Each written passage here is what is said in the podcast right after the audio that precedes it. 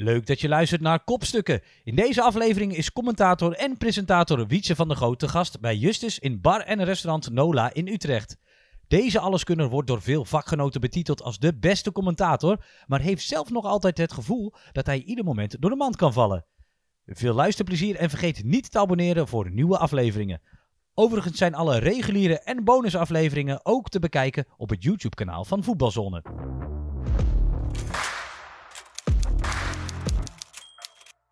Iets van de Groot, hartelijk welkom bij Kopstukken in Nola in Utrecht. Dankjewel. We gaan het hebben over jouw carrière in het werkveld van de voetbaljournalistiek. Wat verwacht je ervan? Geen idee eigenlijk. Ik heb er wel zin in. Ik Ja, vind het altijd leuk om over het vak te praten. Ja, ik- laten we daar maar meteen mee beginnen. Er zijn een paar onderwerpen die eigenlijk altijd voorbij komen. Ja. Dus eh 18 seconden stilte na Moera. Tweede geworden pijnlijk bij de slimste mens. Ja. Een vader die ook in de voetbaljournalistiek zat. Of althans niet in de voetbaljournalistiek, in de media. Ja, Dus die als een soort kruiwagen ge- gefungeerd heeft. absoluut. Waar word je nou nooit naar gevraagd waarvan je denkt van... nou, daar zou ik eigenlijk wel een keer wat over willen vertellen? Dat is, nee, dat moet jij verzinnen. Maar dat vind ik wel een hele goeie, dat vind ik wel een uitstekende vraag. Ik hoop dat jij eh, het antwoord en de vraag hebt in één. Nou, dan gaan we daar, eh, gaan we daar proberen aan toe te komen in het gesprek. Wat voor kind was je? Eh, een voetballer. Altijd buiten. Eh, de hele dag aan het voetballen of met voetbal bezig. Ik had wel wat Playmobil of zo. Eh, maar ik was gewoon woensdagmiddag kwart over twaalf uit naar de voetbalclub. Eh, voetballen voordat de training begon en dan gewoon tot het donker door. Alleen, maar, alleen maar met de bal. En ook meteen de ambitie om profvoetballer te worden? Of was Ja, echt- ja, maar die was totaal niet realistisch, die ambitie. Hoe lang duurde dat voordat je erachter kwam? Nou, je, het was heel raar, want ik kon best aardig voetballen, maar ik was altijd de, de nummer 10 en aanvoerder van de B2 of van de A2, zeg maar. Dan zat ik op de bank bij, eh, eh, bij, bij het eerste elftal. Dus eh, nee joh, flegmatiek werd ik altijd genoemd. Linkspootje. En wel gevoelig voor aandacht.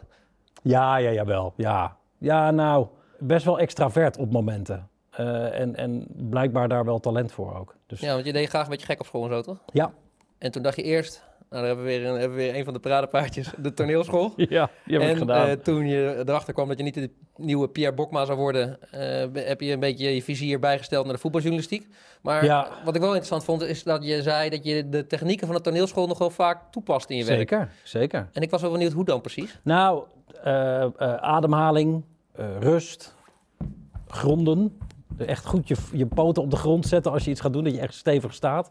En wat de Engelsen, denk ik, dat eh, is ook wel een voetbalterm, composure. Dus een beetje er zijn. En dat is echt in je presentatie of is dat ook in je, in je Nee, in, in, presentatie. Ja, en, en ademhalingstechnieken en zo die ik, die ik wel heb gekregen, dat, dat helpt in commentaar ook wel, ja. Want wanneer, wanneer wist je precies van dit wordt hetgene wat ik ga doen? Nou, dat was altijd wel een wens. Maar ik had nooit het idee dat dat echt haalbare kaart was. Ja, iedereen wil of voetballer worden of anders wel voetbalcommentator. Dus ik heb daar niet echt op ingezet toen ik puber was. Mhm. Omdat ik dacht dat dat toch niet zou lukken. Dus toen ben ik, omdat ik toch inderdaad best wel expressief was en zo, ben ik naar die, eh, ben naar die toneelschool gegaan. En toen dat hem niet bleek te worden, toen, was ik, toen ik daarmee klaar was, die opleiding duurde drie jaar, toen was ik pas 20, 21. Dus toen ben ik daarna nog journalistiek gaan studeren. En ik had die kruiwagen waar je het net over had. Dus toen heb ik alsnog een manier gevonden om, eh, om toch in de buurt te komen. Ja, en eh, zoals de traditie voorschrijft, de journalistieke opleiding niet afgemaakt. Nee, mijn, ik ben nog aan het afbetalen. Ja. Ja. En die, die, die fascinatie voor voetbal, waar komt die vandaan, denk je? Ehm, het, alles eromheen, het, het, het, het geluid, stadions. Ik ben enorm gek van stadions. Ehm, het, ik, ben, ik ben niet puur een, iemand die heel erg naar het, naar het spel zelf. Ik hou enorm van het spel zelf, maar shirts, doelnetten, stadions, het geluid, het gezang van het publiek. eh, dat, dat fascineert me, de, he- de hele voetbalwereld. Ja, dus je bent eigenlijk bijna een, beetje een fan, zeg maar. Ja, enorm. Maar als commentator moet je misschien ook wel veel meer naar het spel technische deel soms kijken. Of blijf je daar bewust een beetje bij weg dan? Mm, nee, nou ja, ik, ik ga daar niet te diep op in, want daar heb ik ook gewoon niet genoeg verstand voor van. Ehm, dus mij zal je niet zo heel snel eh, over halfspaces horen, Mhm. maar wel over wat er gezongen wordt. Of ehm, dat er een nieuwe tribune bijgebouwd gaat worden. En hoe zou je jezelf dan typeren, zeg maar? Liefhebber aan het woord of zo, Hm. zoiets. Ik kijk met de mensen naar die wedstrijd, met de liefhebbers. Want ik zag dat je Kees Jansma als eh, een van je grote voorbeelden ziet. Zou je dan, is, is dat ook een beetje de stijl die je probeert aan te hangen? Of? Nou, als commentator was Kees altijd wel wat rustiger, geloof ik. Wat, wat meer ehm, bemeten, denk ik bijna. Mhm. Maar als presentator wel warm, eh, zeer goed op de hoogte en humorvol. En dat vind ik wel drie eigenschappen die ik zelf ook eh, eh, het, liefst eh, behoorlijk naar buiten zou willen brengen. Ja, en een allrounder, denk ik, hè? Want Kees heeft Ja. natuurlijk ook alles. Ja, En dat doe jij ook. ik doe ook veel. Ze zeggen tegenwoordig, je moet specialiseren en niet een generalist zijn. Maar jij bent eigenlijk Nee. wel een generalist als het gaat over voetbaljournalistiek. Ja, ja ik doe alles. Ik, had, ik, ik zat er toevallig aan te denken. Ik heb vorige week, was ik op dinsdag was ik verslaggever langs de lijn bij Ajax. Op woensdag stond ik in de studio eh, de Champions League Switch te presenteren. Op donderdag was ik in San Sebastian. Op zaterdag zat ik ook weer in de studio één op één te presenteren met Danny Blind. En op zondag presenteerde ik een talkshow. Dus deze week was eigenlijk wel een soort van vijf verschillende dingen op vijf verschillende dagen. En kost dat dan veel energie of Ja. geeft dat veel energie? Nee, nou, allebei. Eh, uiteindelijk eh, eh, kan je het dan tegen elkaar wegstrepen, omdat het superleuk is om te doen allemaal. Maar het kost wel heel veel energie. Op tv komen, dat weet je misschien ook wel, of op, op, op camera zijn, dat kost energie, omdat je er moet zijn. Mhm. Als je er niet bent, dan is er geen zak aan. Ja. En is het dan dat je al die verschillende dingen kan doen omdat je zo waanzinnig veel talent hebt? of- Ja, dat moet het zijn. Ja, Ja. nee, ja, nou, nou, goed, dat weet ik niet. Ik, ik, ik, ik krijg de kans om al die dingen te doen en ik grijp al die kansen aan. En ik denk soms zelf ook wel eens van ja, maar ik moet me eigenlijk meer focussen eh, op commentaar geven of op presenteren. Want ik moet gaan kiezen, want dan kan je uiteindelijk grotere stappen maken. Omdat je zoveel dingen hebt gedaan, ben ik even op bezoek gegaan bij Beeld en Geluid in Hilversum. En ik heb daar gesproken met Eppo van Nispen tot Zevenaar. Dat is de algemeen directeur van ik. het Nederlands Instituut. Ja, En hij heeft voor jou wat gemaakt. oh, wat cool.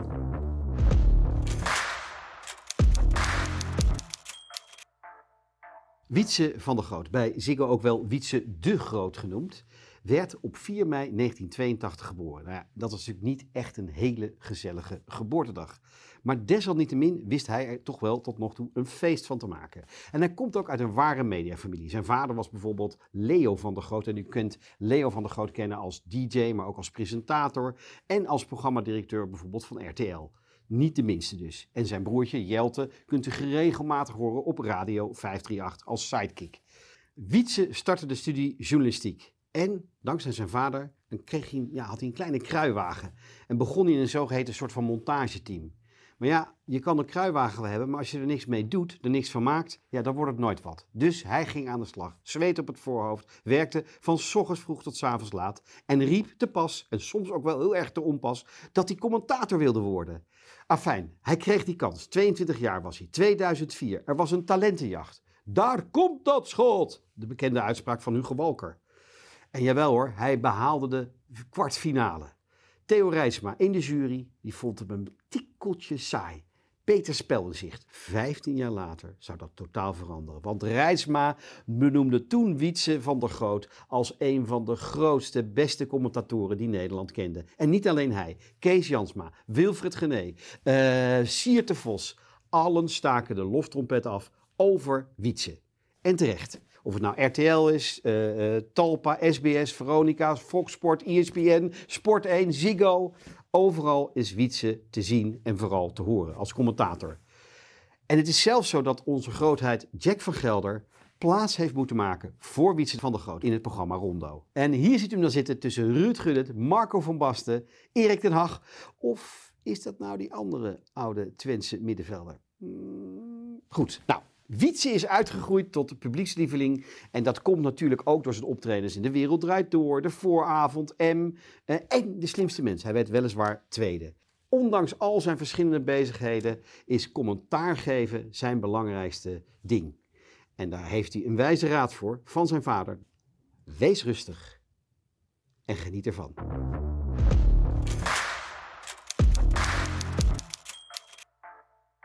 Cool zeg. Leuk. Wat is het eerste wat, eh, wat, je, wat je opvalt, zeg maar? Ehm, wat me opvalt. Nee, ik, ik ben wel trots eigenlijk, als Ja. ik dit zo hoor allemaal. Ja. Ja, Wilfried Gené die zei, eh, ik ben een beetje de hoer van Hilversum. Maar dit is wel een titel waar je ook wel aanspraak op kan maken inmiddels. Eh, ja, maar dat komt ook omdat het me niet zo super veel uitmaakt eh, waar, waar ik werk. En ik ben inmiddels ook al heel erg lang in dienst wel bij dezelfde werkgever, namelijk een produ- productiemaatschappij, Ja, Southfields. Southfields, en ja. die verhu- verhuurt mij, of verhoert mij, hoe je het maar wil zeggen, aan, al die, aan al die bedrijven. En ik heb nu natuurlijk wel met Ziggo gesproken over dat, dat ik vrij exclusief voor hun aan de slag ga. ja. Maar dat, ja, nee, dat, dat maakt me niet zo heel veel uit. Hoe kijk je terug op je, op je mediadebuut? Ik ben als beeldredacteur eh, eh, begonnen. En ehm, dat, was, eh, dat, dat was heel erg leuk om te doen. Dat was ook wel echt een droom, weet je. Daar kon ik, kon ik echt goed mee aan de slag. Echt, en, en voetbalwedstrijden kijken en, Ja. en die samenvattingen maken. En die werden ook ingesproken natuurlijk. Dus dan kreeg ik daarna kreeg ik de kans om, om, om eventjes mijn eigen stem te laten horen. Ja. Als je nu terugkijkt naar komt dat schot, wat is dan het gevoel wat, eh, wat, wat zich meester van jou maakt? Nou, ik, ik vind het wel tof dat ik de enige ben die, eh, die in Nederland echt commentator is geworden van de deelnemers. ja. Ja. Maar is het dan met een soort eh, vaderlijke gevoel dat je erop terugkijkt? Of ook een soort van gêne die je dan hebt? Van... Mm, Nee, niet echt gêne, maar ik vind het wel grappig. Ik ging er in de kwartfinale uit inderdaad. En dat Rijtsma zei dat ik een beetje saai was. Ja. Eh, wat natuurlijk ook wel een label is wat vaak op Theo Rijtsma zelf geplakt wordt. Dus dat, dat is misschien ook wel weer een compliment. ja. Ik weet ook nog wel dat hij later een keer zei in een radio-uitzending... ehm, hij doet het hartstikke goed, eh, als hij maar niet te populair gaat doen nou. En die, Ja. heb- die heb ik wel heel goed in mijn oren geknoopt. Ja. Ja. Eh, Want is dat zo dat je bij jezelf dan af en toe op de rem moet trappen? Soms wel, ja. Soms denk ik wel van, doe maar, doe maar even relaxed. Want in het begin heb je ook nog een beetje geëxperimenteerd van de, met de stijl van Siert de Vos. Absoluut, ja. Maar dat is het, het fijne. Ik heb, ik heb best wel vaak Super League commentaar gedaan. En ik ben bij Sport 1, nu eh, Ziggo, ehm, ook een beetje in, in die kelder begonnen met rechte rijtje wedstrijden in, de, in La Liga en zo. En dan kan je ook gewoon een beetje experimenteren met, met welke stijl bij je past. Ja. En toen heb ik ook wel heel erg lang op de Siertstoel een beetje gezeten. Ja. Wat hartstikke leuk was, maar uiteindelijk niet zo goed bij mij paste, denk ik. Wat voor soort dingen zei je dan? Ja, weet ik veel, gewoon grappen. En eh, eh, eh, een beetje Spaanse zinnetjes daaruit gooien en zo. Ja, nee, dat, dat hing heel erg van de wedstrijd af. Want het is natuurlijk best wel een verantwoordelijkheid als je twee keer drie kwartier als enige te horen bent. Eh, en hoe je dat invult. Geeft dat dan in het begin ook een enorme druk? Dat je dan ook allerlei dingen ga- gaat zitten voorbereiden of zo? Ja, nou dat hangt een beetje van het publiek af natuurlijk. Ik bedoel, die, die druk is anders als het eh, op eh, Ziggo Sport Racing is of zo, die wedstrijd. Ja. En je weet toch dat er nauwelijks mensen kijken. Dan heb je de gelegenheid ook om een beetje te experimenteren. Maar als het Ajax Champions League is of PSV of Feyenoord, ja, dan wordt het even anders. En dan, dan, ik denk dan wel na over een intro of zo. ja. Ja. Heb je dan bepaalde spelregels die je dan hanteert? Ja, eh, heel veel praten tot de aftrap en daarna stil. Hm. Dus vanaf de, je moet de wedstrijd neerzetten bij de, bij de opkomst van de spelers. Bij de opstellingen geef je die belangrijke info over wie wel, wie niet en waarom. Eh, daarna kan je nog een paar vette feitjes vertellen. Maar zodra die bal rolt, probeer ik altijd eerst eventjes een tijdje stil te zijn om het publiek te laten horen. Mhm. eh, eh, om, om die wedstrijd de baas te kunnen laten zijn. En, en daarna kan je die wedstrijd ook gewoon oppikken. Dus ik wil altijd veel vertellen voor de wedstrijd en tijdens de wedstrijd eigenlijk zo min mogelijk. En dan deed je dat altijd al? Of is dat echt iets wat je later pas geleerd hebt? Omdat op die manier... Mm, ik ben er later achter gekomen dat dat het beste werkt voor mij. Dat is het, denk ik. Ja. Want hoe zou je je stijl verder typeren? Ehm, nou ja, dan toch ook wel weer een- liefhebber. Eh, en, en, en ik denk wel afgemeten tegenwoordig. Dus niet te veel. Hm. Eh, gedoseerd. Dat is misschien een goed woord. Toen jij een beetje voor het eerst je eerste stappen zette zeg maar, in die mediawereld, wat, wat was het sfeertje dan wat daar hing? Goed wel. Maar ook wel, ehm, het is ook wel lastig, omdat het ook wel heel erg gelaagd is. Weet je, je hebt eh, eh, eh, de, de beeldredacteuren, de gewone redactie, dan heb je de eindredacteuren en daarboven zitten dan de presentatoren en de analisten. En die hadden toen ik daar zat natuurlijk geen idee wie ik was. Mhm. Dus het is ook niet zo dat dat allemaal zo kriskras door elkaar loopt. Je bent echt een hele eigen afdeling eigenlijk. Dus, maar die sfeer daar was goed, wel, wel haantjes. Wel mannetjes allemaal, dus ook wel, wel, je moet je ook wel een beetje invechten.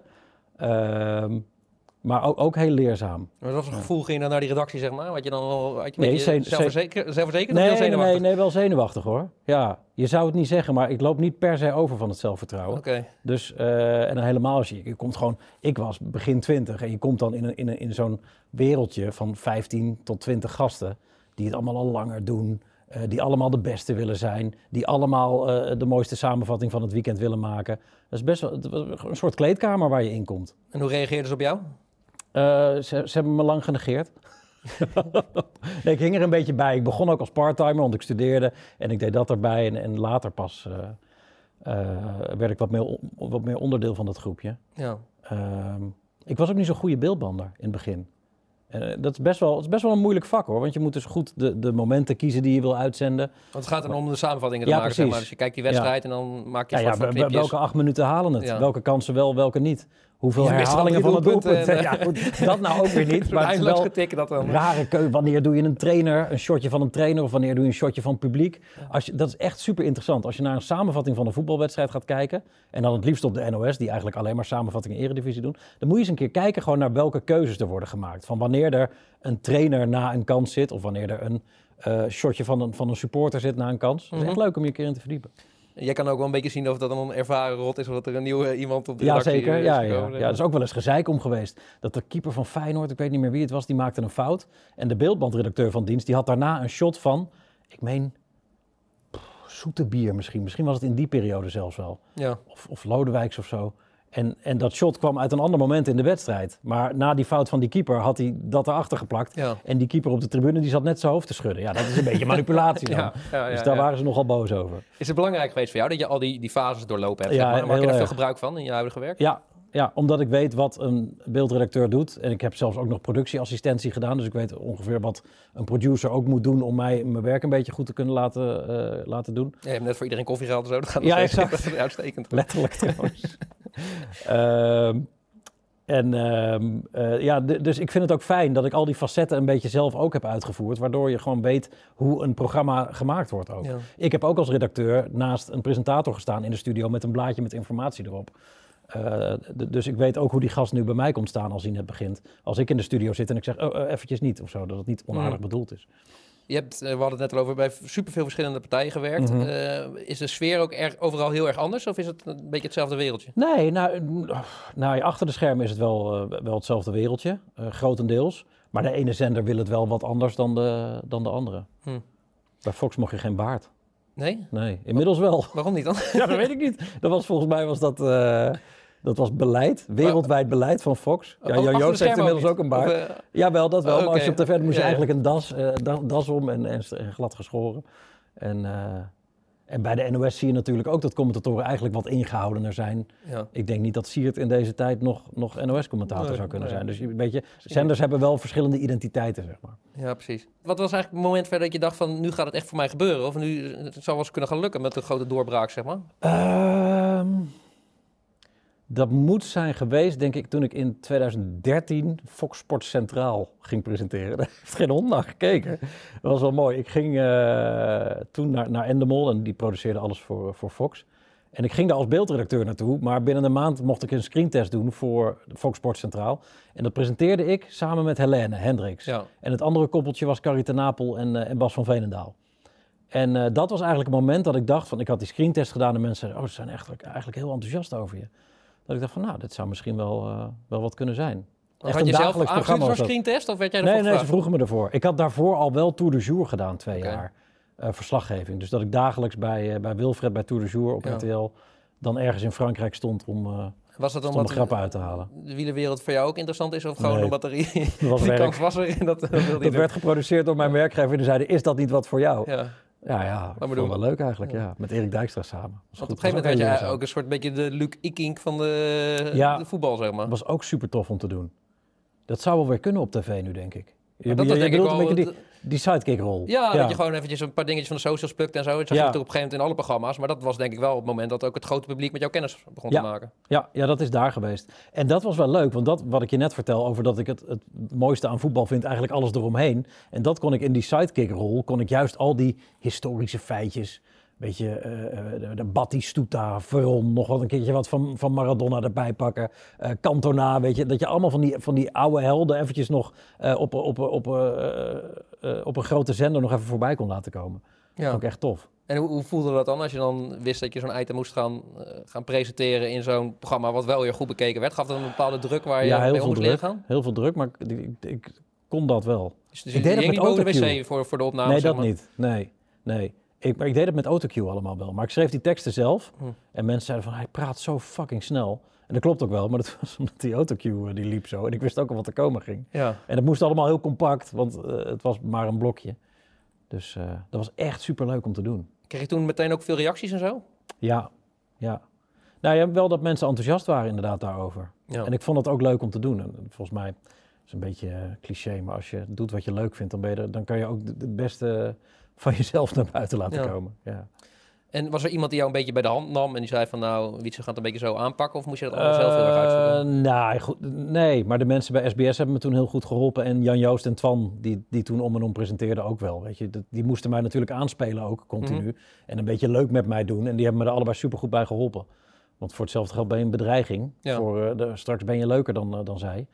Dus je mag ook niet te veel grapjes maken. Nou ja, dat, beetje- wel, kennen. maar je moet ze ook weer niet overvleugelen of overschaduwen. Nee. Nee, dat was echt een leuke tijd. Maar maak je dan eerst een hele serie proefopnames? Of, eh, of, of loop je dat wel- s middags helemaal door? Of word Nee, je een beetje zijn- dieper gegooid? Er zijn wel screentests voor geweest en we hebben wel wat, wat tests gedaan. En het heeft zich ook wat meer ontwikkeld, die, eh, die blokjes.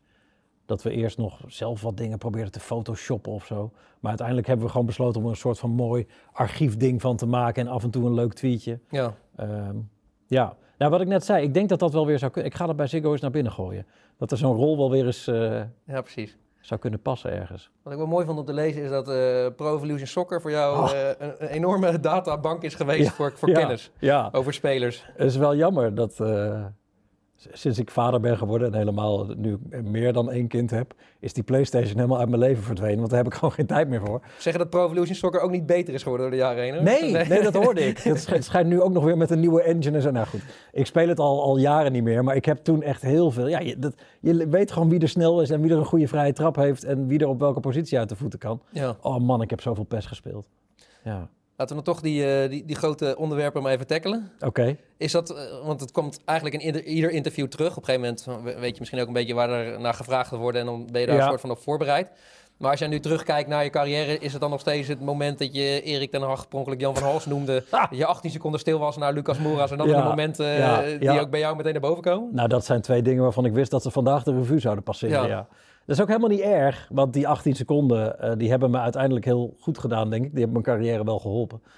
Dat is wel grappig, dus ik hield mijn bek en uiteindelijk werd ik daarom goed gevonden. Ja. Eh, dat is ook wel fijn. En ja, ik heb het nog steeds met, met Ten Hag en Van Halst. Dat is uit mijn jeugd, uit de Panini-plaatjes tijd. Die twee kale Twentenaren, al had Erik toen nog wel wat, wat haar volgens mij.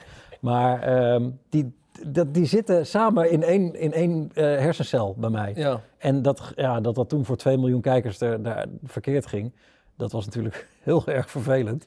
Ja, maar toch, Eh. je, ik, je gaat dan natuurlijk een beetje googlen. eh, Of eh, ik dan in voorbereiding op dit gesprek. Ja, En eigenlijk de enige keer dat ik het tegenkwam, is dat je er zelf over had. Het waren niet echt per se andere mensen die er Nee, enorm ja, toen- over vielen of zo. Nee, en ik vind het ook, het is ook niet erg, want het is natuurlijk, ik bedoel, ik neem aan dat jij en de kijker weten dat ik niet dacht dat Jan van Hals daar stond. nee, maar dat is het. Het is gewoon een, een, een eerlijke, menselijke fout, Ja, die gewoon op een enorm klote moment gemaakt wordt door mij. ja. En natuurlijk, ik voelde me de dag en de twee dagen, want ik deed nog niet zo lang Champions League commentaar toen op OpenNet. Ik voelde me zo kloten daarover. Terwijl het natuurlijk eigenlijk nergens op slaat, want Nee. het is gewoon een verspreking, weet je. Ja, iedereen verspreekt zich wel eens. Alleen een commentator eh, bij zo'n wedstrijd, ja, die moet dat nou net even niet op dat moment doen. Ja. Ja, het is natuurlijk als je superveel dingen maakt, en als je veel op tv bent, dan is de kans dat je een keer een misser maakt Waar gehakt steeds wordt. groter. Ja, absoluut. Ehm, Ik ga ook nog heel veel fouten maken. Dat, dat is wel jammer. eh, want dat weet ik. Want in principe ben ik van plan om dit werk nog 70 of eh, nog 40 jaar te doen. ja. Tot mijn, tot mijn 70ste, nog 30. Eh, dus ik, ik weet dat ik ieder jaar één grote fout ga maken, minimaal. Waarvan ik drie nachten wakker ga liggen. Ja, Ja. dat is gewoon inherent aan de keuze die ik heb gemaakt. En dat mensen dan ook met een, met een hakbijl klaarstaan. Ja, dat is, dat is nou helemaal zo. Maar dat wakker liggen, dat, dat krijg je er niet uit dan. Dat je op een gegeven moment denkt van, nou, het is ingecalculeerd, het gaat een keer gebeuren. Nee, maar ik lig dan wakker om mezelf hoor. Niet om wat mensen ervan vinden, Hm. maar gewoon om het feit dat, dat ik zo'n fout maak. Ja, nee, dat, dat, je calculeert het in en alsnog is het, is het kloot als het gebeurt. Maar dat, ja, bedoel, jij en de cameraman daar en jij en jij, jullie gaan allemaal nog super grote fouten maken. Misschien wel vandaag en anders wel morgen en ik ook. Alleen bij mij zit iedereen mee te kijken. En dan is er nu ook nog eens, het is vast een van de onderwerpen die je aan wil snijden, dat, eh, eh, dat, dat medium waarbij iedereen op je vingers meekijkt en het je ook nog meteen kan laten Ja. weten. Ja, iedereen krijgt nu ook de druk hier op de set. Die wordt nu, nu Ja, steeds ja, ja. Iemand heeft misschien niet op play gedrukt. Nee, nee, dat zou op- record. De, eh, de stap is eigenlijk best snel gaan. Want je zegt net zelf, je bent nog niet eens 40. En eh, je werd nog, zo lang, nog niet zo heel lang geleden genegeerd door alle beeldbank, beeldbank Ja, ja, dat is al wel 15 jaar geleden. Ja. Maar nu zit je met echt eh, de, de Champions League van, van dit vak, zeg maar. Met Ruud Gullits, Marco van Basten Mhm. aan tafel. ja. Heeft het lang geduurd voordat je daar een beetje senang in voelde, zeg maar? Nee, daar ben ik nog mee bezig om me daar zo lang in te voelen. Ja? Ja, ja. Ga jij Marco van Basten even interrumperen? Ja. Ja, dat is, dat is best lastig hoor. En een paar keer met, met Marco eh, analyse gedaan. ja. Maar ja, nee, tuurlijk, je moet elkaar een beetje leren kennen. Die man heeft een status over de hele planeet van heb ik jou daar. Dat zijn wel momenten dat ik, eh, dat ik heel goed besef hoe klein ik ben hoor, als, als presentatortje. Dus dat is lastig. En mensen zeggen dan wel, ja, maar je moet, dat, dat moet je natuurlijk naar je toe trekken. En Ja. die, die autoriteit die moet je hebben. Maar dat is heel moeilijk als je rechts kijkt en er zit Van Basten. En links er zit Gullit. ja. En je Ja. moet toch een soort van de regie houden als presentator. Ja, maar je wil ook niet meteen het, het bij de hand eikeltje zijn, toch? Nee. Kwam dit dan op het goede moment voor je? Of heb je er ook nog over getwijfeld dat je dacht van misschien is het nog te vroeg? Ja, ja, ja, ja. ja, daar heb ik wel over getwijfeld. Maar als ik hem nu niet zou pakken, dan zou hij misschien niet meer komen, die kans. Ja. Tussen de palen is een ander programma wat je Ja. heel graag wilde maken. En wat volgens Ja. mij echt bij jou best wel bovenaan het lijstje staat van dingen die je gedaan hebt. Dat is mijn, ja, dat, ik, het is helemaal geen, geen super eh, slim idee of zo. Nee. Maar ik heb dat zelf bedacht. Weet je, we kwamen in die lockdown terecht, er werd niet gevoetbald. En het is een super simpel concept, maar dat is wel vaker zo. Dat de, de simpelste dingen het beste werken. Dus gewoon met een voetbalgrootheid zijn favoriete voetbalmomenten bespreken. Een soort eh, compacte zomergasten over voetbal. Ja. En ik vond het superleuk om te doen. En ik hoop dat we er nog een paar kunnen gaan maken. Het is een beetje druk nu alleen momenteel. Maar dat was echt een leuk programma om te doen. Nou, als ik al je afgelopen week hoor, heb je nog wel een paar vrije gaten waar je nog op Er zit nog één middagje tussen. Ja. Wat zeg je wel eens nee tegen dingen? Los van interviews dan, zeg maar? Eh, nee. nee, nee ik, omdat ik alles leuk vind om te doen. Net zoals dat ik nu heel veel bij Ziggo doe en eigenlijk een beetje het gezicht van Ziggo ben. Ja. Maar op donderdag ook nog Europa League erbij pak voor Veronica. Omdat ik dat eigenlijk te leuk vond om te laten, ja. te laten schieten. En is het dan eigenlijk één lijn omhoog gegaan? Of heb je ook wel eens iets gedaan van ze zeggen, nou sorry Wietse, maar dit, dit, dit is niks voor jou, dit, eh, dit gaan we niet meer doen. Hmm, nee, ik zeg niet dat alles even goed is gegaan. Maar de, de, de lijn is tot nu toe omhoog gegaan. En het probleem is tot waar, eh, wanneer vlakt die af? Ja. De, cur- de curve. Nou, ik heb eh, elf afmakertjes voor je. Oh god. Ik heb ze iets veranderd, dat je er niet helemaal over kon, Oh, ja. kon voorbereiden. Maar een ongenuanceerd antwoord en dan daarna krijg je de mogelijkheid om daar nog wel even op terug te Kom komen. maar op.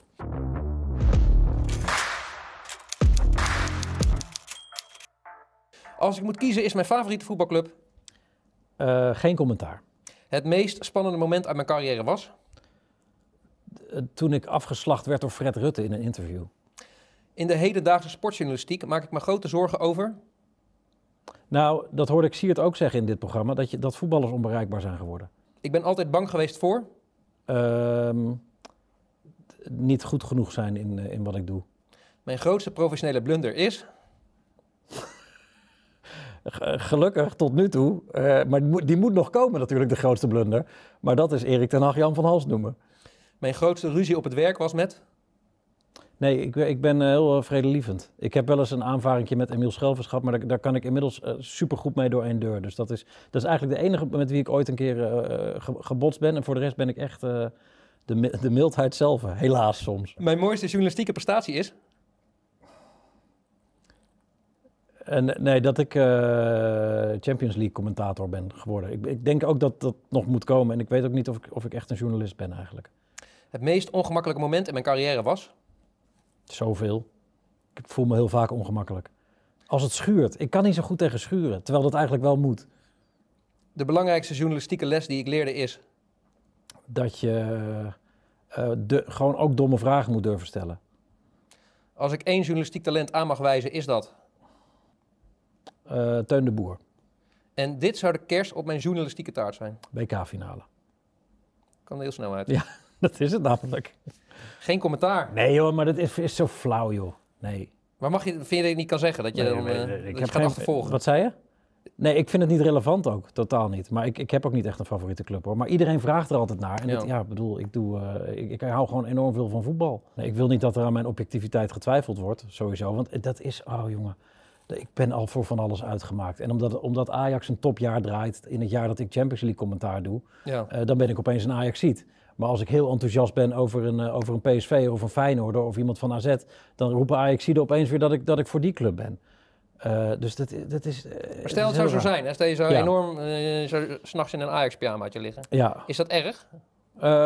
Nou, wat mij betreft niet. Nee, Maar- maar, maar waarom voor zou je- anderen wel. Ik Ja. denk dat het het beeld van anderen te veel, te veel inkleurt. En dan is het toch En de publieke mensen- opinie die die stuurt, zeg maar. Ja, en dat zijn. zie je nou wel? Zie je nou wel? Ja. Ja. Nee, ik ben over iedereen enthousiast. Je kan ook, als je samenvattingen van welke wedstrijd dan ook eh, terughaalt, dan kan je me bij iedere Nederlandse club heel enthousiast horen zijn. Hmm. Je zegt spannende momenten heb ik eh, heel de tijd. Dus je hebt altijd een soort gezonde spanning in, in dingen die je doet. Ja, ik, ben, nou, ik heb heel soms betrap ik me er wel eens op als ik een hele drukke week heb en heel veel op tv ben, dat het rode lampje gaat branden en dat ik dan eh, niet scherp ben. En dat vind ik dan altijd heel vervelend. Dan denk ik, ja, maar wacht nou eens eventjes. Eh, dus je moet, je moet wel altijd aanstaan. En aanstaan is voor mij, eh, staat dat gelijk aan spanning.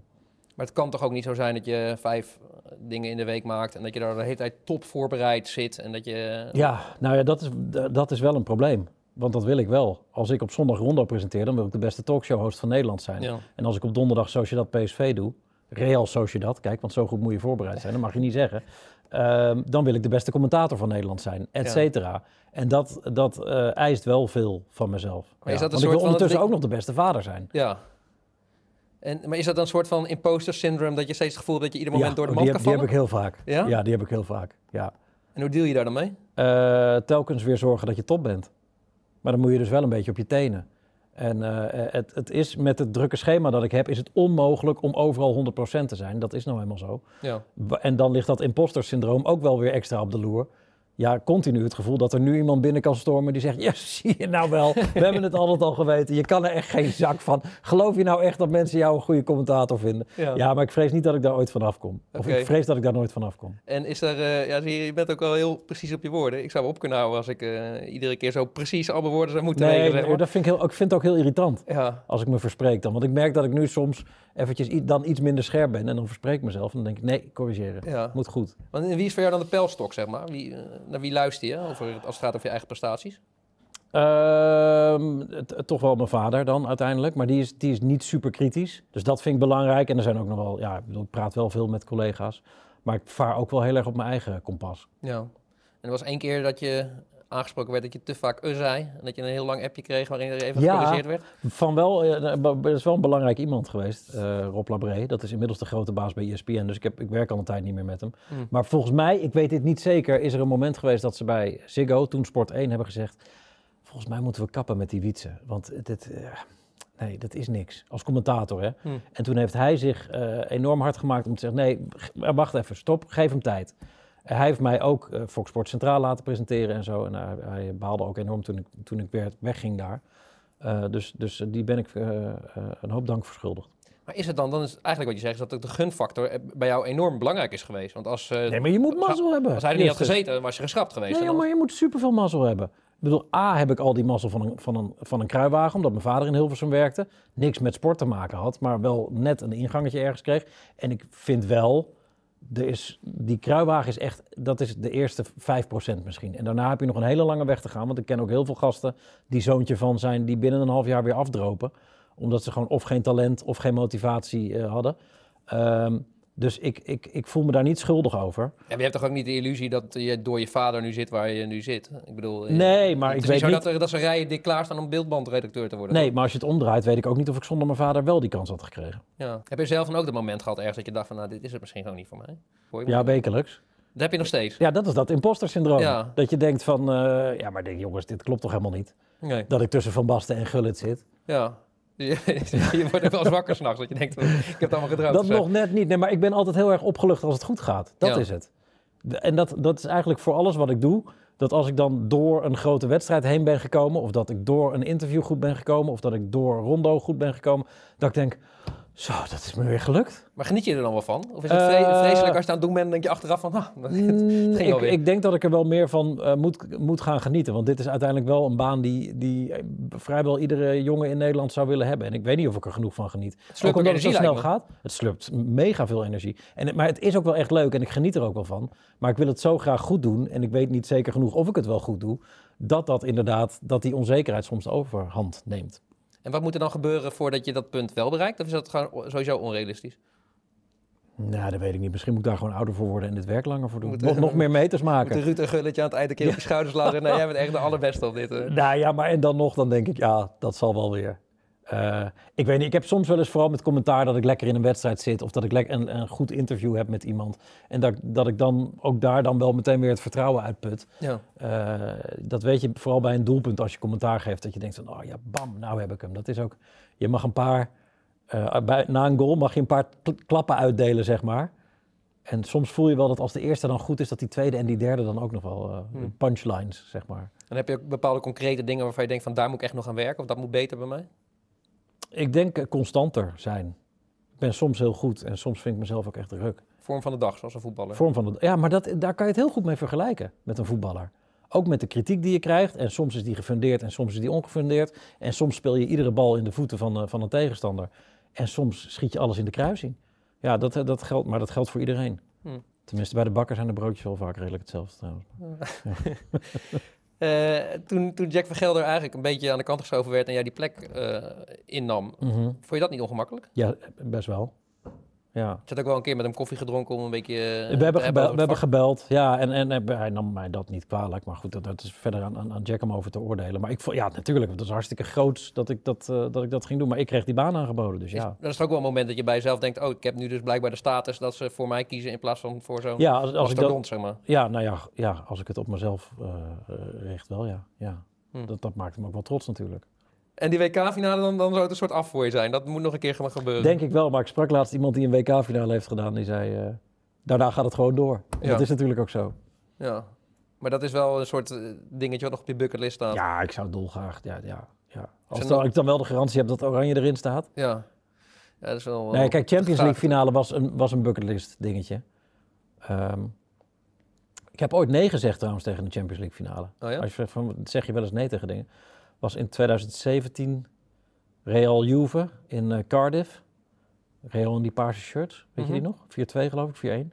Eh, en eh, de commentator, commentator, commentatoren, er waren er twee, die konden allebei niet. En toen zei ze, wil jij het niet doen? En toen dacht ik, dat is niet het goede moment om voor- het grote publiek aan het voetlicht te treden, zeg maar. Waarom niet? Dat was te vroeg nog of zo. Ja, ja. Ik denk, dat als je een Champions League finale gaat doen, dan moet je daarvoor al wel een paar andere potjes Champions League op open net gedaan hebben, denk ik. Dus daar heb ik toen voor bedankt. Toen heeft John van Vliet hem gedaan.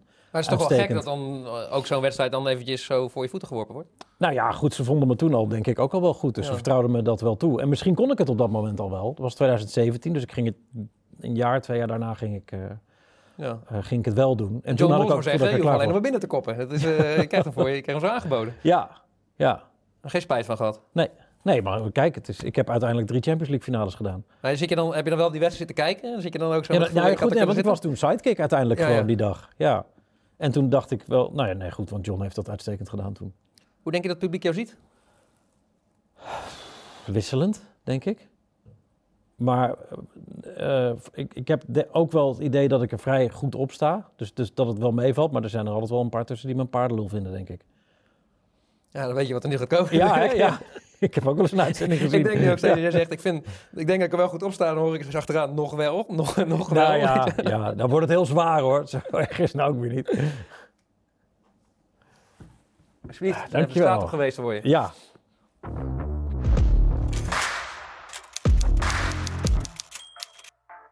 Deze meneer. Oh, wie is dat joh? Dat is die. eh, is dat niet de presentator van RTL 7? Eh, Jeroen heet toch? Of niet? Zo, ik ben slecht met namen, joh. Ja, dat is eh Sietse. Is presentator bij eh, meerdere voetbalprogramma's. verslaggeving bij eh, Champions League wedstrijden. En dat is... eh,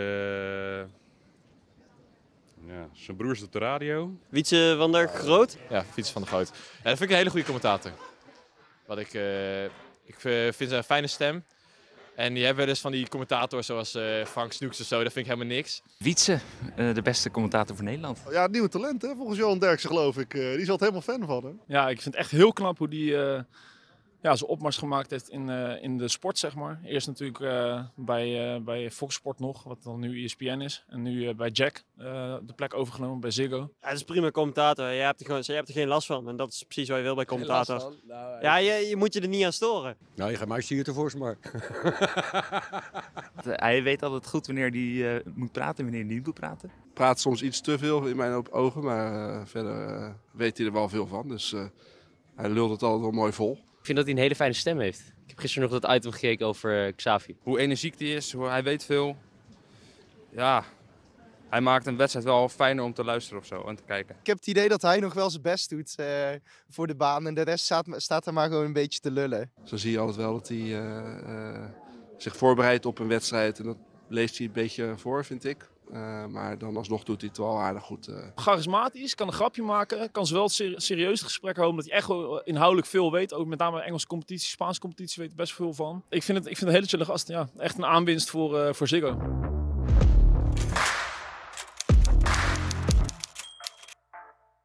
je hebt een goede gepakt. Nou, het is best wel moeilijk om hele kritische geluiden over jou te vinden, Wietse. Ja, nou ja, fijn. Hoe kijk je Fijn. hier nou naar? Dat je dan Nee, ja, nou nee, ik, gaat ja, komen, ik vind dit super tof. Ik vind het leuk. Ja. Eh, Lult niet te veel. Maar dan, zo zie je maar weer. Want de andere, die andere die gozer die zeggen weer dat ik veel te veel lul. Ja. Dus het, het is, eh, kijk, een commentator, het vak bestaat ook, lijkt wel eh, om, eh, om, om wat van te vinden. Maar het is misschien ook wel zo dat mensen vrij lovend over je zijn. Zorgt er misschien ook wel voor van ja, het kan eigenlijk, kan eigenlijk niet veel beter nog gaan, zeg maar. Nee, eh, nee, nee, ja, dat is zo. Tot het fout gaat. Ja. Ja. Welke kritiek heeft je het meest geraakt?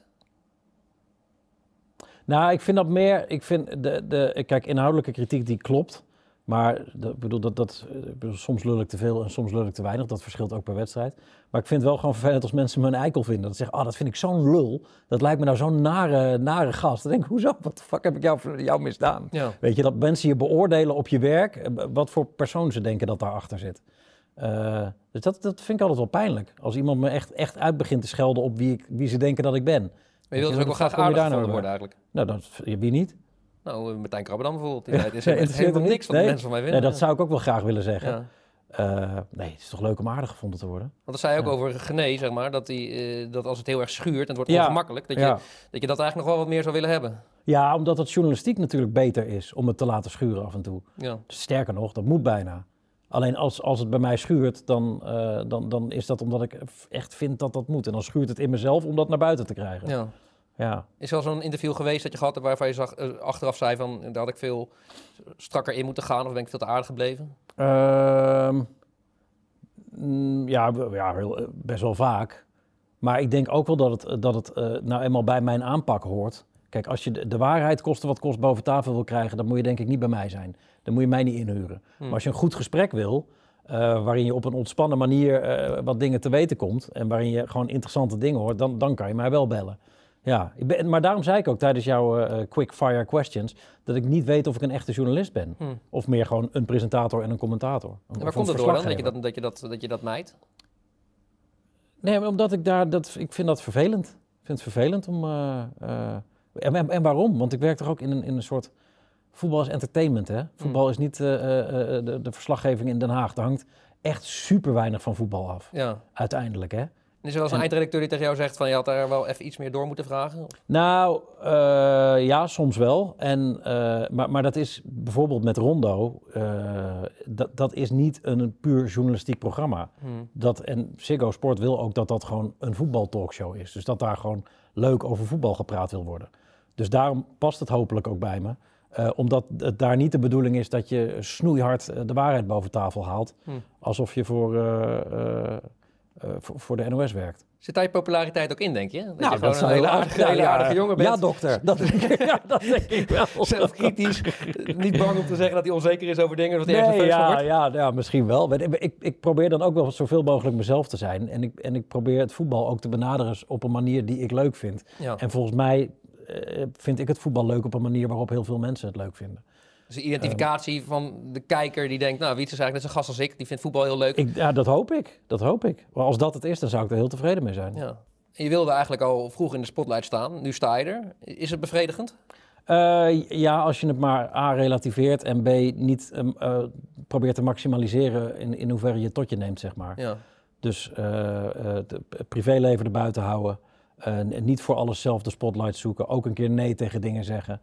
Eh, ehm, eh, nee, dus op die manier werkt het goed. Maar als er in zo'n zo'n zo'n wielerbocht iedereen wietsen, wietsen, wietsen begint te roepen, Nee, dan ga je dat was wel goed trouwens. Dat was goed. Nee, maar dat is leuk, omdat het dan ook wel weer een soort van eh, erkenning is of zo. Ehm, maar het is niet zo dat, dat het bekend worden is totaal geen drijfveer voor me. Hm. Misschien heb je nu je headline. Maar dat, dat- daar gaat het me helemaal niet om. Ik wil graag in het voetbal werken, omdat voetbal sinds kleins af aan, daar begonnen we mee, echt mijn passie is. Ik ben gewoon echt een voetbaljochie. Eh, ik, ik vind dat dit is wat ik goed kan. Weet je, ik zou niet weten wat voor ander werk ik moet doen. Ik heb toevallig de mazzel dat ik een goede stem heb. En de- dat ik dus weet wat het. Ik klap niet dicht als het lampje van de camera gaat branden. Ja. Dus dit is wat ik doe. En dit is wat ik graag wil doen. Ik hoef niet per se beroemd te worden. Alleen ik, ik, eh, dat aanstaan is wel wat ik leuk vind. Ja. ja. En die Twitter-guillotine, waar je, wel, waar je het Ja. wel eens over hebt. Ja. En dat je de verleiding soms toch niet kan weerstaan om even Nee. te zoeken van... eh, Gaat steeds beter. Ja? Ja. Want doet het ook iets met je prestaties Nou- of met je vorm, zeg maar? Nou, als het, als het eh, gefundeerd is en als het klopt, dan kan het je wel beïnvloeden natuurlijk. Maar ik laat het nu steeds meer eh, links liggen. Dus Ja. ik ga bijvoorbeeld ook niet lezen wat mensen van dit gesprek vinden op YouTube. Eh, want dat komen wel allemaal comments onder natuurlijk. Maar eh, weet je, het, volgens mij Contrastwerk bij is alle mensen zo dat je als je een beetje een slechte interviewer hebt, dan kom je er zelf vaak wel goed uit. Dus dat is wel lekker. Ja, ja, ja, precies. Ja. Helemaal waar. Nee, maar dat je dan, dan krijg je vijf leuke reacties en één kutte. En dan ga je aan die kutreactie denken. En gaat je nog uitleggen ook dan. Nou ja, bij wijze van spreken. Nee, dus daar moet je gewoon weg bij blijven. Alleen het is, het is natuurlijk hartstikke lastig, omdat je ehm, onder je vinger op je telefoon kun je erachter komen wat mensen van je vinden. Nadat je een prestatie geleverd hebt. Ja. Dus dat geldt voor iedereen die hier zit en iedereen die thuis kijkt. Stel je bent op je werk en je, en je komt van je werk af, je, je doet de deur open en je kan minimaal 20 reacties vinden van wat mensen van jouw werk vonden die Ja. dag. Dat is A, is dat heel vervelend. En B, is het ook nog eens heel verleidelijk om het, eh, eh, om het wel te willen weten. Ja. Maar volgens mij is de kunst om dat niet te doen. Omdat ik ook gewoon verre van perfect ben. Ja. Op, op iedere mogelijke manier. Dus je hebt ook niet die illusie dat je dat hebt en je pretendeert ook Ja, niet ja, helemaal nee, top maar te dan zou, ik, maar- dan zou ik helemaal kapot gaan. Als het echt, als het echt perfect moet, dat is natuurlijk niet haalbaar. Voor niemand. En heb je ook het idee dat jouw eigen maatstaf misschien ook wel net een tikje hoger ligt dan de maatstaf van het publiek? Ja, maar ik hoop dat dat, dat zo is. Want dat betekent dat ik wel eh, een beetje op mijn tenen blijf lopen. En ik, waarschijnlijk, omdat ik hier nu ook zit, in een programma dat Kopstukken heet, eh, ben ik daar gekomen. Omdat ik wel veel van mezelf eis. Ja. Ik denk, zodra je gemakzuchtig en blasé wordt, dan heb je echt een probleem. Helemaal als je nog 40 moet worden. Toch? Heel goed, heel goed. Ja. Ik heb nog wat coach en kop uit de media.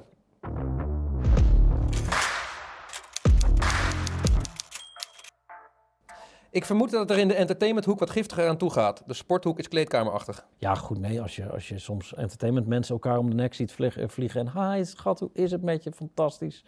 Dat gebeurt bij ons minder. Maar je zit nu natuurlijk wel, nu je een beetje bij het establishment hoort, krijg je Mhm. er wel steeds meer mee te maken, zeg maar. Ja, ook net nou, van, ik scherm mijn maar- privéleven heel erg af, maar ik kan me voorstellen als jij een scheiding ligt, dan komt dat ook op RTL Boulevard. Weet ik niet, want ik ben laatst vader geworden en dat is er volledig buiten gebleven. Oké. Ja, en dat heb ik heel bewust gedaan. Hm. Ja, ik had zoiets van, dat hoeft niet. En dan kan ik best iets op Instagram of op Twitter zetten of zo. En dan wordt het vast opgepikt. Eh, maar dat, doe, dat hoeft allemaal niet. Nee. Hm. Heb je er wel eens mee te maken gehad, dat, het, dat giftige gedrag zelf, zeg maar, in de televisiewereld? Niet op, niet op eh, heel ernstig niveau. Nee, je hoort wel eens via via dat iemand iets over geroepen heeft. Dan denk je, ja, die vuile klootzak, denk je dan. Maar nee, nee. Ik ben nooit... eh, Bel je die dan ook even op of zo? Of, eh, nee, nee, maar dat, ik onthoud wel. Maar... nogmaals ik ben niet heilig. maar ik heb nooit een mes zo diep in mijn rug gehad dat het er aan de voorkant weer uitkwam. Zeg maar. Dat kan ook nog komen. Oké. Jan Joost is volgens mij zelfs de beste sportpresentator van Nederland. Een voorbeeld voor mij. Ja, absoluut, man. En Ten dan? eerste is het een topgozer. En dat maakt hem ook een, ja, nou, gewoon zo makkelijk lullen. Zo eh, eh, makkelijk de juiste woorden vinden. eh, de go- goede, rustige houding. En ik heb natuurlijk heel veel naar hem kunnen kijken als sidekick bij SBS. Gewoon dat hij daar zat te presenteren en dat ik daar stond te wachten tot ik aan de beurt was. Ja, ik vind Jan Joost echt heel goed. Maar je vindt hem dus ook beter dan een Wilfried Gené of een Helene Hendricks? Of... Nou, dat is, dat is wel fijn dat we verschillende smaken in Nederland hebben natuurlijk. Want Wilfred is de koning van het schuren. En nu ik zelf een talkshow presenteer, merk ik wel hoe goed Wilfred is in het presenteren van een talkshow. Mhm. Met mensen aan tafel. En natuurlijk is, is VI wat anders dan Rondo. Maar als je toch eens wist hoe moeilijk het is om zo'n gesprek gaande te houden. En op het juiste moment eh, aan het woord te kunnen komen. Of, en Wilfred weet precies wanneer die een duwtje moet geven, of eventjes moet trekken, of even wel wat moet zeggen, of juist eventjes eruit. Dat is, wat dat betreft is Wilfred echt uniek in zijn soort. Hmm. Eh, die kan dat zo goed. Maar qua eh, echt heel erg lekker om weg te kijken, is Jan Joost weer. Voel je inmiddels wel zelf de vrijheid om Marco van Basten halverwege een volzin gewoon... nou, dat vind ik dus lastig. Maar dat, ik bedoel, geef me ook even tijd. Hè. Want waar sta je zelf die meetlat, zeg maar? Nee, daar, ja, daar ruim onder nog. Hm. Ruim, ja. Want in principe speel je toch in dezelfde competitie, om voetbaltermen ja, wel, maar ik ben nog wel eh, jonger en groener. ja. Maar ik vind mezelf als commentator wel op een goede dag. eh, dan, dan vind ik wel dat ik bij de top hoor. Maar de richtlijn dat- is dus Jan Joost, zeg maar. Dus je probeert, je, je probeert naar het niveau van Jan Joost toe te gaan. Nee, want ik wil, hoef niet Jan Joost te worden. Ik wil wel de... God, er komt weer zo'n cliché. Beste versie van mezelf Ja, worden. authentiek, ja, ja. ja, ja. Maar dat is wel belangrijk, authentiek. Wat plak je er dan op? Wat zou het grote verschil zijn tussen jou en Jan Joost? Ehm, nee, ja, nee dat, dat zijn dan gewoon verschillen in persoonlijkheid. Hmm. Ja. Ik wil graag eh, wel die combinatie van humor, snel, gezellig. Ja, dat conflict is hij allemaal niet, dat is vermijden. hij Nee, nee, nee, maar die, nee, die wil ik graag, maar dan op mijn eigen manier. Ja. Ja. Ja, maar het grap is natuurlijk wel dat als je kijkt bij het publiek, ben eh, je voor mij een stuk populairder dan Jan Joost. Ja, is dat zo? Ja. ik kijk ook niet vaak op wat ze van anderen vinden eigenlijk, maar... Hm. eh, Misschien wel goed voor jezelf trouwens. kan nou ja, misschien. Eh, ja, nou, dat zou kunnen. Maar ik vind hem vakmatig en ook als ik zal het geen vriend noemen, maar wel gewoon een goede kennis. Ge- gewoon echt, echt heel goed. Ik heb vandaag de naam Wietse van de Groot horen rondzingen. Die zouden Gijp en Derksen graag willen. Die Angela de Jong heeft dat gezegd, hè? Zeker. Ja, het schijnt daar ooit eh, zomaar geroepen te zijn. En volgens mij een keer zelfs in het heetst van de strijd. Maar ik weet dat helemaal niet eens. Nee. Ik weet ook niet waar ze het vandaan heeft. Het is nooit aan de orde geweest. We- Wilfred en ik hebben er ooit heel smakelijk om gelachen tijdens een... eh, Op een bootje. Op een bootje, dat klopt. Ja, dat was hartstikke leuk. Daar hebben we hebben heel gezellig staan praten, hartstikke lang over. Nooit aan de orde geweest, nooit serieus over na hoeven denken. Nooit serieus over nagedacht. Eh maar ik had het ook niet gedaan. Maar wat gebeurt er als je dat hoort, zeg maar? Je zit, weet ik veel, je zit daar, eh, iemand zit nou op één te kijken en die stuurt jou een appje van dit wordt gezegd. Ja, dan heb ik geen idee, maar er wordt wel meer geluld. Want de voetbalzone werd je ook geopperd. En het Mhm. dat het was voor mij zelfs een top comment. Dat er heel Oh veel ja? mensen waren die vonden dat jij dat moest gaan doen. Ja, nou ja, leuk- die, leuk. die rondo-ervaring zo, die had je toen nog helemaal niet. Nee, maar Rondo is natuurlijk wel een supergoed podium eh, om, meters te maken. Ja. En nee, ik zou nooit VI gaan presenteren. Waarom niet dan? Dat is Wilfred's programma. Ja, maar als Wilfred, als Wilfred weg moest... Dan moet VI ook weg. Oké. Ja. Je hebt niet het idee dat, dat, dat Gijp en Derksen met hem, zonder hem Ja, maar dan is het toch geen VI meer? Zij drieën, zij met z'n drieën en dan of Hans of, of Wim erbij. Helene heeft afgelopen zomer ook... eh, een Ging hartstikke goed, gedaan. maar was anders dan VI. Wilf, eh, Helene doet dat natuurlijk fantastisch, maar het wordt daardoor wel een, gewoon een ander programma. Ja. Een ander programma met die twee had misschien gekund. Ja. Nee, maar niemand kan eh, ooit de chemie eh, eh, creëren die zij met z'n drieën hebben. Het kan, het kan alleen maar falen, is eigenlijk wat je zegt. Je Tuurlijk, zegt- het dat is toch een, briljant programma. Ja. Het is één grote poppenkast. Als je al iets te kritisch bent, dan krijg je niemand meer te spreken. Heb ik dat gezegd? Ja, over de, de Premier League. Oh ja, ja, ja. Nee, nou, ja, dat is wel zo, ja. Nee, die interviewtjes achteraf, daar is nauwelijks iets uit te halen. Dat is wel heel jammer. Dan zei je net eigenlijk ook al een beetje wat Siert aangaf, dat je niemand meer te spreken krijgt. Nee, dat is wel... Nou goed, als je kijkt naar Harry Vermegen. Man, die kwam gewoon bij iedereen thuis. Siert vertelt in, in, in, in, in de, de aflevering dat hij hier te gast is... dat hij Ronald en Erwin Koeman uit bed filmt. Ja. Ondenkbaar, echt ondenkbaar. En hartstikke zonde natuurlijk. En ik snap het wel, want we zijn met veel meer... en die sociale media is erbij gekomen. En wat dat betreft is zo'n docu als die van Koeman is al uniek. Ja. Dat iemand onder zijn eigen eh, eh, begeleiding en onder zijn eigen luifeltje... dat naar buiten brengt. Dus je weet dat je ook niet alles ziet. Nee. Maar dat is al bijna uniek dat je zoiets krijgt. Zie jij die verandering in de afgelopen 15 jaar ook al nog steeds Nou, heel sterk? Gaat het door, zeg maar? Nee, nee, nee, nee, dat is wel interessant. En ik volg Engeland natuurlijk heel erg. Ik merk nu dat er wel een soort van kentering aan het komen is. En dat voetballers wel weer iets meer naar buiten komen. Niet dat ze door Harry Vermegen eh, een bal door hun eigen slaapkamerraam gaan laten schieten. Eh, ik, en ik weet niet of dat ooit terugkomt. Maar ik zag laatst Dominic Calvert-Lewin, geblesseerd bij Everton, bij Monday Night Football. Die ging Everton analyseren, zijn eigen ploeg. Terwijl die geblesseerd was. En volgens mij verloren ze ook nog dik. Eh Connor Cody, eh, die zat daar laatst. Kevin De Bruyne, die bij die Belgische podcast aanschuift. De jongens van de Core podcast. Weet je, voetballers komen langzaam maar zeker wel... via hun eigen kanalen en dingen die ze zelf kiezen... wat meer naar buiten. Ja. En dat vind ik een hele goede ontwikkeling. Maar ik denk dat ze ook wel toch wel met mij een keertje op dinsdagmiddag kunnen latje trappen. Ja. Maar dat krijg jij ook niet voor elkaar. Probeer het niet eens meer. Nee, misschien, misschien moeten we het gewoon weer eens proberen. Ja. Juist de toegevoegde waarde van een commentator is dat hij in het stadion zit. Absoluut waar. Ja. Ja, je hebt het ook zelf gezegd. Ja. Oh ja. het is geen stelling. Het is mijn eigen. Ja, nou, die jongen die heeft er verstand van. Die weet wat hij zegt. Ehm, ja, nee, dat is zo. Omdat je extra, je, weet je, je kan A, de sfeer opscheppen. Eh, eh, je ziet eh, of een grensrechter zijn vlag omhoog heeft voordat het in beeld is. Je ziet wie er warm gaat lopen. Je ziet of een trainer onrustig is. Je kan in hele vervelende gevallen zien of het niet goed met een speler gaat. Als die buiten beeld, weet ik veel, ter aarde stoort of blijft liggen of zo. Dus dus de, de aanwezigheid van een commentator in een voetbalstadion is echt van grote, grote waarde en groot belang. Ik ben ook wel een paar keer enorm afgesnauwd door een trainer.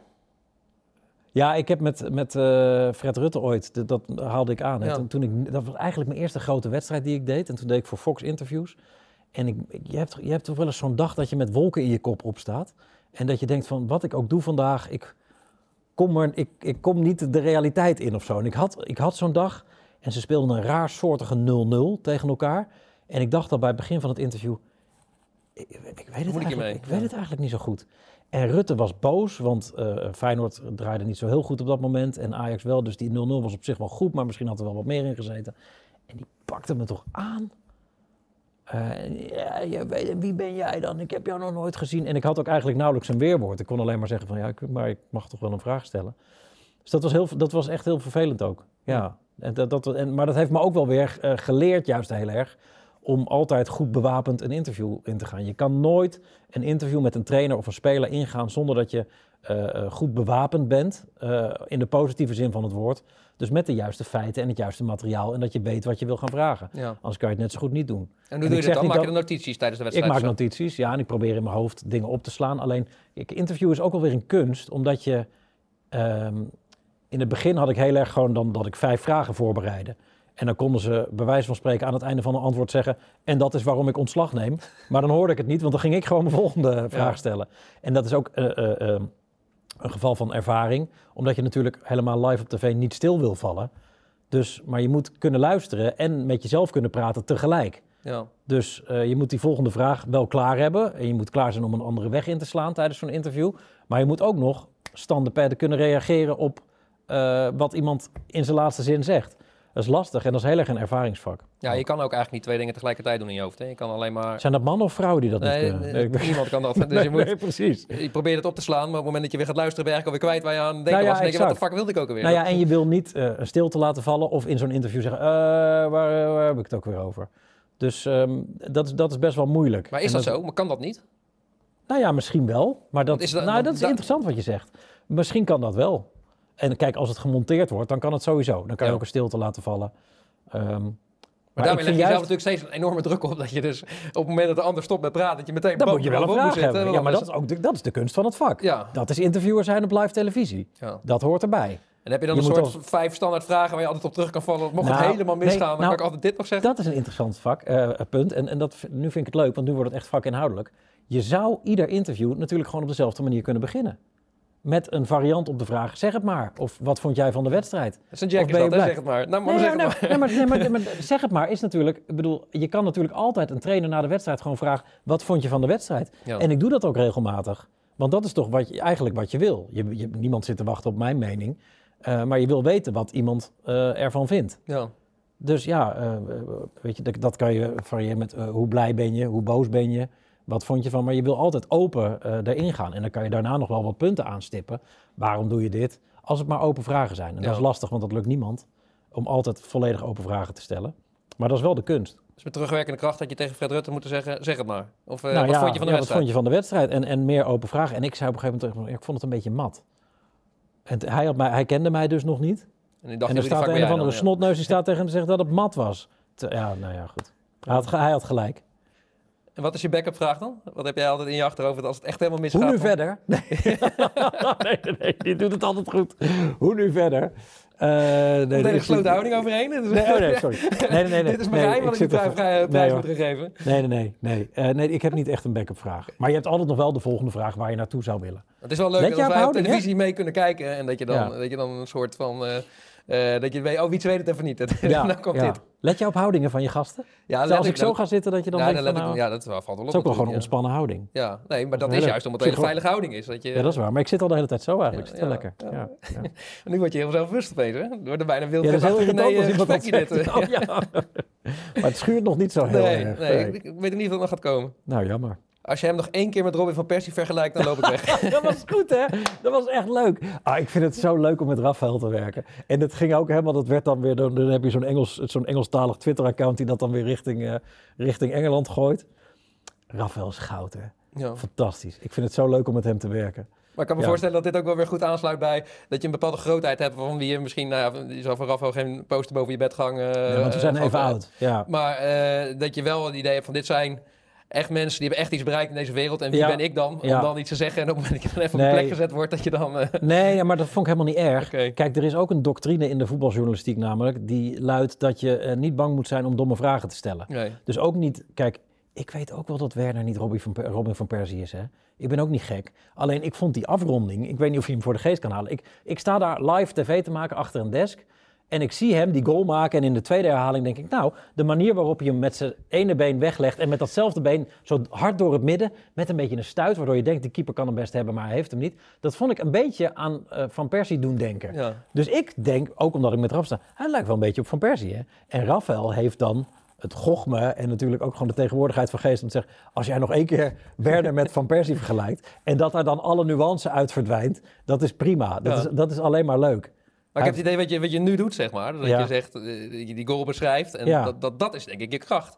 Dat is eh, gewoon... Je pakt en een stukje historische kennis die je Mhm. hebt van, van, van flitsen die je in je hoofd hebt van Ja. bepaalde wedstrijden. Ja. En dat combineer je met hetgene wat je op dat moment ziet. En dan doe je eigenlijk wat misschien de toeschouwer thuis op de bank ook doet. Je, je, Dat- kop- je ja. koppelt iets, zeg maar. Nou ja, en ik denk dat die verbanden leggen, dat dat in, in mijn commentaar misschien ook goed werkt. Ehm, en ik denk ook dat dat was wat mensen leuk vonden aan die blokjes die ik maakte als sidekick bij de, bij de, eh, eh, bij de Champions League. Dat ik, als ik een goal zag en dacht, hé, hey, die eh, doet me aan die goal denken. ehm, dat ik dan die goal uit het archief kon vissen en kon laten zien. En dat dat een voetbalavond hartstikke leuk maakt. Ja. Ja. Wat is het belangrijkste dat je carrière je gebracht heeft? Oh, geld. Nee, nee eh, plezier. Gewoon plezier. En, eh, en een gevoel dat ik doe waar ik goed in ben. Hm. Ehm, ja.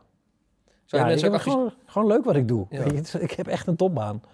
Als er nou mensen eh, jou zien zitten en denken, nou dat is wat ik ook zou willen. Mhm. Zou je ze adviseren om net als jij allerlei verschillende baantjes te doen en van alles te proberen? of zou je zeggen, nou, je moet juist focus en alleen maar... Nee, onderop, of wel gewoon onderop beginnen en, en, en alles proeven en doen. Ja, zeker. Ja. En gewoon hard werken en je bek houden. En op het juiste moment opentrekken. Dat is je eigen favoriete vraag om te stellen. Hoe nu verder? Nee, eh, heb ik niet. Nee, het is ook wel leuk om die vari- variatie te hebben, denk ik. Favoriete vraag om te stellen. Als het maar begint met, met hoe of waarom. Als het maar een open vraag is. Heb ik nog kans laten liggen? Nu een beetje... eh, We Jij? komen naar de beoordeling krijgen we een beetje natuurlijk. Nee, maar je hebt, wel, je hebt het slim gedaan. Want ik heb best wel veel verteld ook over eh, dat, ik, dat ik toch wel soms onzeker over dingen kan zijn en zo. Dus dat is... eh, volgens, ik denk dat we juist wel wat andere dingen hebben besproken dan... eh Nou, dan is dat, dan is dat gelukt in ieder geval. Ja, heel goed. We nog één taak over. Oh? Oh ja, fuck. Ja, ik weet het niet. Heb je daar helemaal niet over Ja. nagedacht? Nou, dit is hoe je VO gaat worden in de galerij der kopstukken. Moet ik hem er zelf, of mag ik maar gewoon erop? Oh, dat is gewoon papier. Dat- Ik heb één soort een levensmotto.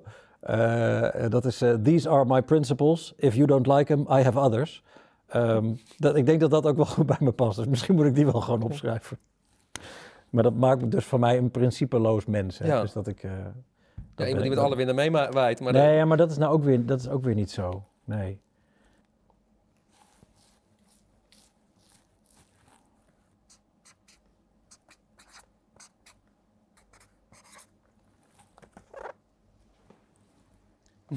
niet te veel lullen, SVP. Volgens mij kan je die op meerdere manieren interpreteren. Je moet eh, eh, als commentator je bek houden af en toe. En niet te veel praten. En je moet ook eh, niet te veel lullen over elkaar.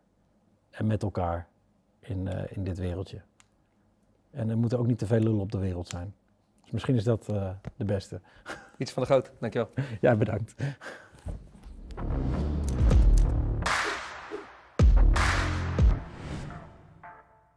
Bedankt voor het luisteren naar Kopstukken met Wietse van der Goot. De volgende keer schrijft schrijver en columnist Nico Dijkzoon aan, die sinds 2009 in iedere VI een column heeft geschreven en precies beschrijft hoe hij zijn verhalen maakt. Abonneer op onze podcast om een seintje te krijgen wanneer er een nieuwe aflevering is. Wil je nou nog meer horen van onze kopstukken? Op het YouTube-kanaal van Voetbalzone verschijnt tussen de reguliere afleveringen door ook nog een extra uitzending met fragmenten uit de rest van het gesprek.